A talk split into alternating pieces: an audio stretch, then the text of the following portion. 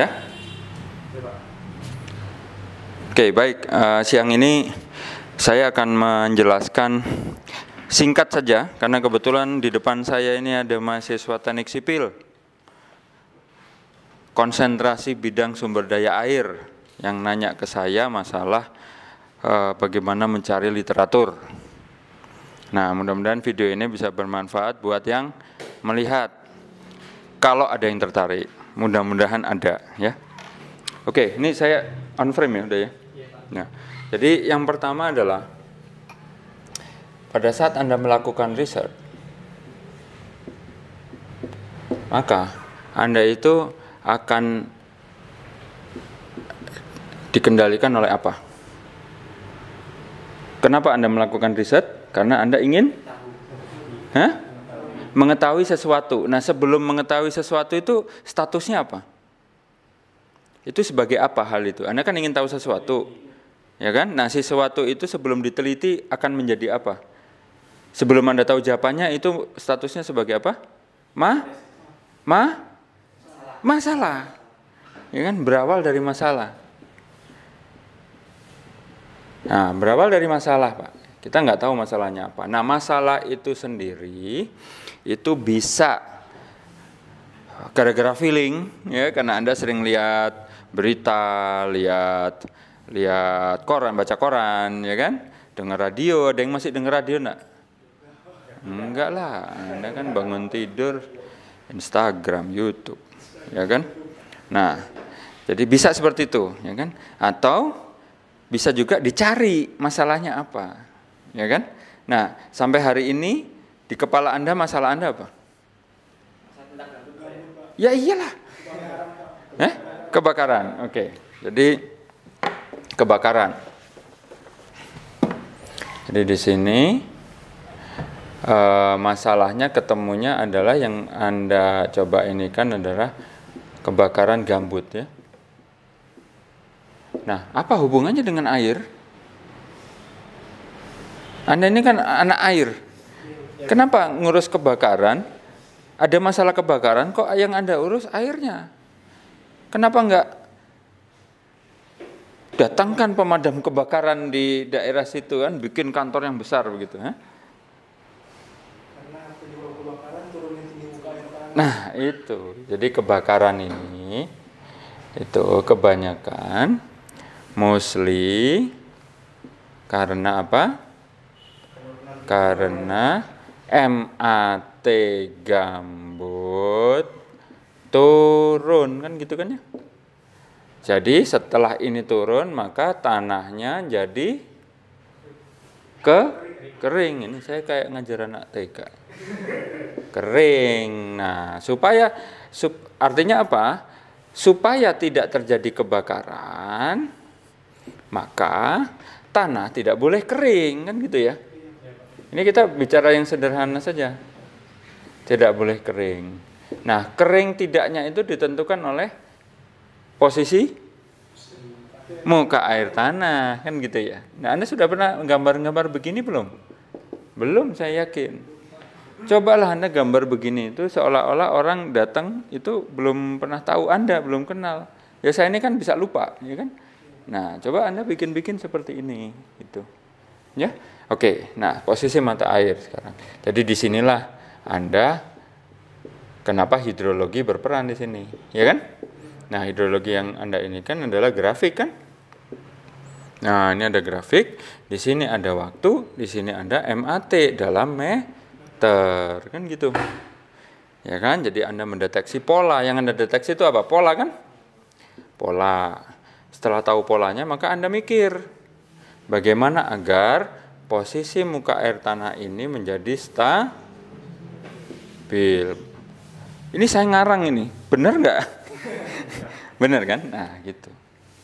Ya jadi pola pikir anda itu begini, ya kan? Nah untuk itu di sini pola ya. E, nah di sini pola ada kontur, ya kan? Di sini ada pola MAT, di sini ada kontur MAT. Nah, di sinilah Anda melakukan modeling kan gitu ya. Ya. Nah, itu. Jadi nanti hasil dari itu semua Anda merekomendasikan rekomendasi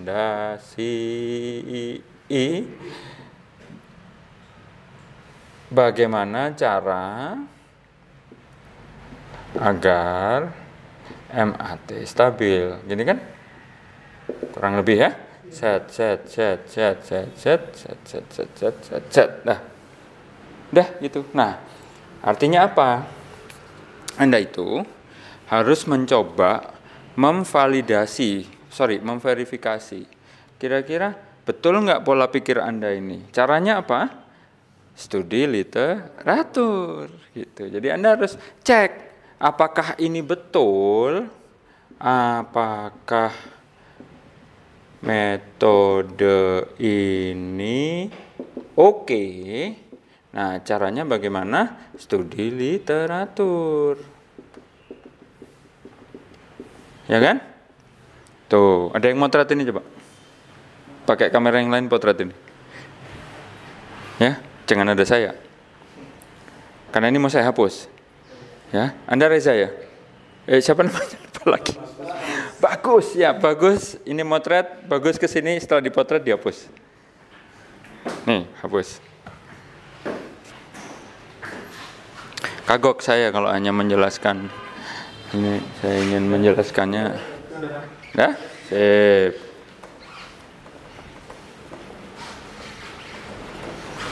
Oke, sebentar. Ini ada mahasiswa yang namanya Bagus ini sedang menghapus papan tulis. Ya kan? Oke. Ini nanti mau saya upload juga nih podcast nama. saya diajarin dosen UNER. Ini biar yang dengar merasa juga ini. Oke, sekarang kita studi literatur ya. Nah, untuk bisa studi literatur, literatur itu apa sih? Bahan bah bacaan bukan bancaan ya. Kalau bancaan itu kenduri. Nah, bahan bacaan itu uh, jenisnya apa saja? Misalnya koran, jangan jurnal dulu lah, cari yang ini yang majalah gitu ya. Koran, majalah, terus uh, ya koran itu bisa koran, koran online gitu ya, koran online. Ya. Ini cetak. Ya, Anda juga jangan jangan jangan nggak baca koran itu ya dipilih gitu media cetak atau media online itu yang ya yang bagus lah reputasinya ya.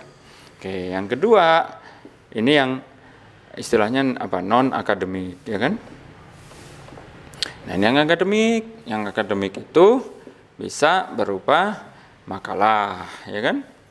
Makalah macam-macam. Ada yang di jurnal ada yang di seminar ya kan? Itu ada lagi makalah yang ya sudah ya makalah kalau nggak di jurnal ya di di seminar saja. Terus apa lagi? Laporan ya kan? Ya laporan itu bisa disitir jangan hanya jurnal jangan hanya makalah. Ong komunikasi personal aja bisa kok disitir. Tentunya harus milih jangan anda tanya air tanah ke tukang jual sate ya kan? itu bisa. Jadi Anda komunikasi dengan guru besar anu tentang air, komunikasi itu diwawancara bisa, direkam. Rekaman ini tuh referensi. Bisa. Tapi ya jangan semua referensinya hasil wawancara, kan gitu ya. Oke, nah oke. Kemudian kita lokalisir dulu ya. Kalau ini yang Anda cari, maka gunakan mesin pencari. Ya kan? Ya salah satunya ini saya nggak mau nyebut merek sebenarnya ya, tapi ya gimana lagi ini yang sudah sering kita pakai, ya kan? Nah kalau yang sifatnya akademik itu bisa macam-macam. Yang pertama Google Scholar salah satunya, ya kan? Kenapa Google Scholar? Karena Google Scholar itu mengindeks bahasa Indonesia dan bahasa selain Indonesia bahasa Malaysia, Afrika, Thailand, Mesir, Arab di indeks. Ya kan? Nah, emang bahasa itu cuman bahasa Inggris? Enggak lah. Emang kita lagi ngobrol begini di Arab ada begini juga kayak saya menjelaskan begini pakai bahasa Arab, ya kan? Bukan bahasa Inggris. Oke. Yang kedua, pakai yang berbayar. Kalau Google Scholar tadi yang gratis, ini yang berbayar. Nah, yang biasa dipakai orang ada dua, biasanya Scopus dan Web of Science. Ya, sayangnya karena berbayar, tidak semua orang bisa bayar, maka Anda harus ada di jaringan kampus. Syukurnya ITB punya. Jadi Scopus dan Web of Science yang terutama adalah untuk mencari tujuannya literatur gitu ya nggak ada yang lain ya untuk itu aja dah nah di tiga-tiganya ini Anda akan perlu satu kata kunci jadi Anda itu harus mencari tahu orang-orang yang sebelum Anda kalau meneliti tentang hal ini, mereka akan menggunakan judul atau abstrak atau kata kunci apa biasanya. Nah, gitu, Pak. Nah itu pengalaman ya Anda lihatlah sedikit-sedikit makalah awalan gitu oh biasanya pakai kata kunci gambut ya kan? Nah biasanya orang itu kalau nyari kata kunci yang pertama itu yang dicari objeknya. Apa? Anda objeknya gambut. Harus ada gambut. Ya kan? Yang kedua yang dicari adalah metodenya. Ya, Anda mau pakai metode apa? Atau bidang ilmu apa? Hidrologi kah, kesehatan kah? Kan boleh orang meneliti kesehatan di lahan gambut ya kan? Nah, gitu ya. Yang ketiga, biasanya orang me, me, mencari menggunakan kata kunci yang terkait dengan lokasi. Nah, gitu Pak ya. Gambut metode itu sorry ini objek ya objek metode lokasi setidaknya tiga ini pak ya lokasinya itu gambut di mana anda Kalteng ya kan Nah, jangan hanya Kalteng, apa persisnya? Pulau Pisau. Pulau Pisau, ya kan? Misalnya gitu ya. Metodenya apa? Ya, ini bidang ilmunya mungkin hidrologi ya. Kita ambil grade yang level yang paling umum lah ya. Objeknya apa? Gambut gitu, Pak. Nah, gunakan kata kunci dalam bahasa Indonesia dan kata kunci dalam bahasa Inggris gitu ya kan? Nah, saya tahu pasti pencarian ini akan menghasilkan banyak, bisa 100 ribu, bisa lebih. Nah, oleh karena itu Anda harus berstrategi, ya kan? Nah, caranya begini Pak. Ya, nomor dua, ya ketik search, ya kan? Sudah kata kunci search, ya kan? Udah. Yang nomor tiga, analyze result. Itu ada itu fasilitas itu. Di Scopus dan Web of Science. Nah, itu saja lebihnya dibanding Google Scholar. Google Scholar punya kelebihan, dia mengindeks apa pun yang berbahasa Indonesia dan apa pun yang tidak dalam bahasa Indonesia selama kata kuncinya pas. Scopus dan Web of Science dia punya kelebihan, salah satunya adalah analyze results. Jadi katakanlah Anda punya 100 ribu, maka dia bisa analisis. Contoh analisisnya itu bidang ilmu apa yang biasanya terkait dengan kata kunci yang Anda cari tadi.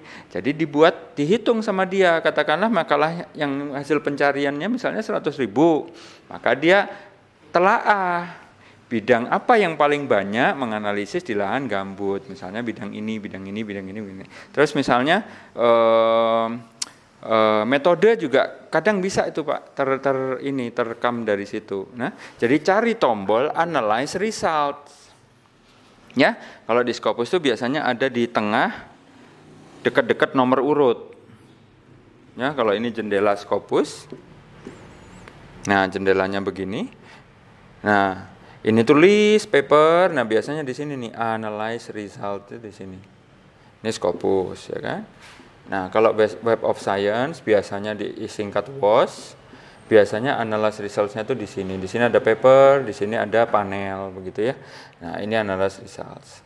Nah, begitu Pak caranya. Nah, dari situ Anda punya perkiraan, punya bayangan. Oh, ternyata orang itu biasanya ya seperti yang saya jelaskan tadi ya metodenya kurang lebih seperti itu. Nah dari situ mulai anda lihat permakalahnya pak. Tadi kan baru melihat global kan makalah 100 ribu itu isinya apa saja secara statistik. Biasanya Scopus dan Web of Science hanya menampilkan yang 10 terbesar ya 10 terbesar ilmu yang yang bekerja di daerah kamu itu apa saja misalnya begitu semuanya uh, apa namanya 10 besar ya kan nah setelah itu Anda lihat balik lagi ke daftar paper tadi, ya kan? Nah, di daftar paper tadi itu sortingnya biasanya dua, eh nomor empat ya.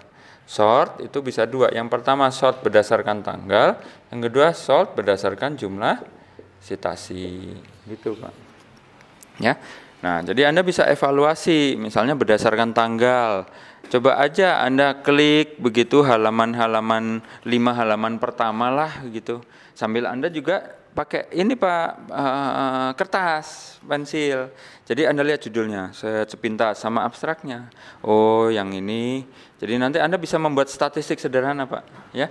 Dari lima halaman pertama jadi ada beberapa makalah teratas yang baru ya kan itu biasanya menggunakan metode apa diapakan diapakan diapakan. Atau anda bisa bilang misalnya oh lima halaman pertama ini biasanya paper menganalisis gambutnya di daerah mana gitu misalnya gitu ya.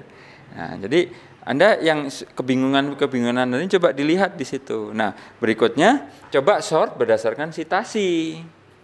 Ya kan? Walaupun sitasi itu tidak bisa dijadikan uh, apa ya ukuran kualitas ya Katakanlah begini, ada paper yang disitasi seribu orang, ada paper yang disitasi hanya 10 orang. Tidak berarti yang disitasi 10 itu lebih jelek dibanding yang seribu. Kenapa? Karena biasanya orang itu, sitasi itu juga bisa berdasarkan turunan, bisa nurun Pak. Jadi kalau misalnya pembimbing Anda mensitir paper ini, biasanya bimbingannya juga menyetir paper itu, biasanya gitu loh Pak. Ya, jadi ada ada bias ya, bias itu ada dipengaruhi tidak objektif lah istilahnya begitu ya dan anda kalau hanya membaca makalah selintas begitu ya nggak bisa menilai ininya kualitasnya. Nah, tapi setidaknya Anda bisa lihat, oh ini loh yang paling banyak dibaca orang. Ya kan, setidaknya kita bisa bilang kan orang lebih banyak membaca yang sitasinya tinggi dibanding yang sitasinya rendah kan gitu ya. Nah ini loh yang biasa dibaca orang itu juga lima halaman pertama Anda lihat gitu kan, kan nanti sortasinya turun turun turun turun jumlahnya gitu pak. Nah, jadi Anda bisa membuat semacam mind map gitu. Mind map itu peta pikiran, ya kan? Jadi Anda bisa bikin seperti kayak gini, seperti saya ini gitu. Ya, yang isinya menggambarkan kurang lebih makalah-makalah yang Anda tadi sudah baca berdasarkan judul dan abstraknya saja, baru berdasarkan itu. Ya kan? Itu juga berlaku untuk yang Google Scholar. Anda harus di tag itu yang bahasa Indonesia, Pak. Jangan hanya menyetir makalah yang dalam bahasa Inggris. Ya, mampuslah kita ini. Orang yang nulis bahasa Indonesia kan pasarnya jadi nggak ada. Buat apa dia nulis kalau gitu kan? Ya mending mancing aja. Gitu loh, ya kan? Nah, jadi harus adil juga bahasa Inggris disitir, bahasa Indonesia disitir. Dan sebanyak eh sebaik-baiknya makalah biasanya ditulis oleh orang lokal. Ya orang Indonesia gitu kan? Ya, coba misalnya daerah gambut Kalteng itu ternyata setelah Anda cari di Scopus dan Web of Science ternyata banyak orang bule yang nulis daerah gambut di Kalteng. Ya kan oke okay, itu harus dihargai, tapi juga Anda harus lihat. Ya, misalnya orang Lambung Mangkurat begitu. Ya, yang menulis di mana? Yang menulis di Web of Science. Eh, yang menulis dengan bahasa Indonesia, ya kan? Iya, gitu. Gitu ya. Oke, jadi kebayang ya kurang lebih seperti ini Pak. Nah setelah yakin baru Anda memilih paper mana yang mau Anda sitir gitu. Nah, sitiran itu harus mengandung beberapa ya ini Pak. Harus Anda harus bisa menggambarkan sitiran yang tentang metode, ada sitiran yang tentang apa misalnya secara umum gambut itu bagaimana ya kan geologi mungkin ya kan jadi sitiran juga dibagi-bagi Pak, sitiran geologi, sitiran hidrogeologi, eh sorry hidro, hidrologi, sitiran apa yang lain itu tergantung pengenalan Anda yang ini gitu pada saat ini ya. Jadi dengan cara ini Anda aneh kalau saya melihat ada mahasiswa S2 sitirannya hanya 10. Ya, bukan harus banyak enggak, tapi aneh aja kalau bacaannya hanya 10 kan gitu ya. Padahal anda ngicep lima kali aja bisa dapat paper tuh 50 kan begitu dengan cara yang sekarang ini ya. Oke? Okay? Saya paham ya kurang lebih ya. Ya, oke. Okay. Itu aja. Jadi ini kurang lebih penjelasan singkat saya tentang mencari literatur sudah disampaikan. Ini akan ada videonya. Terima kasih sudah mendengarkan dan nonton. Barangkali ada yang berminat itu ya. Karena ini eh, proyek dadakan Baik, selamat siang.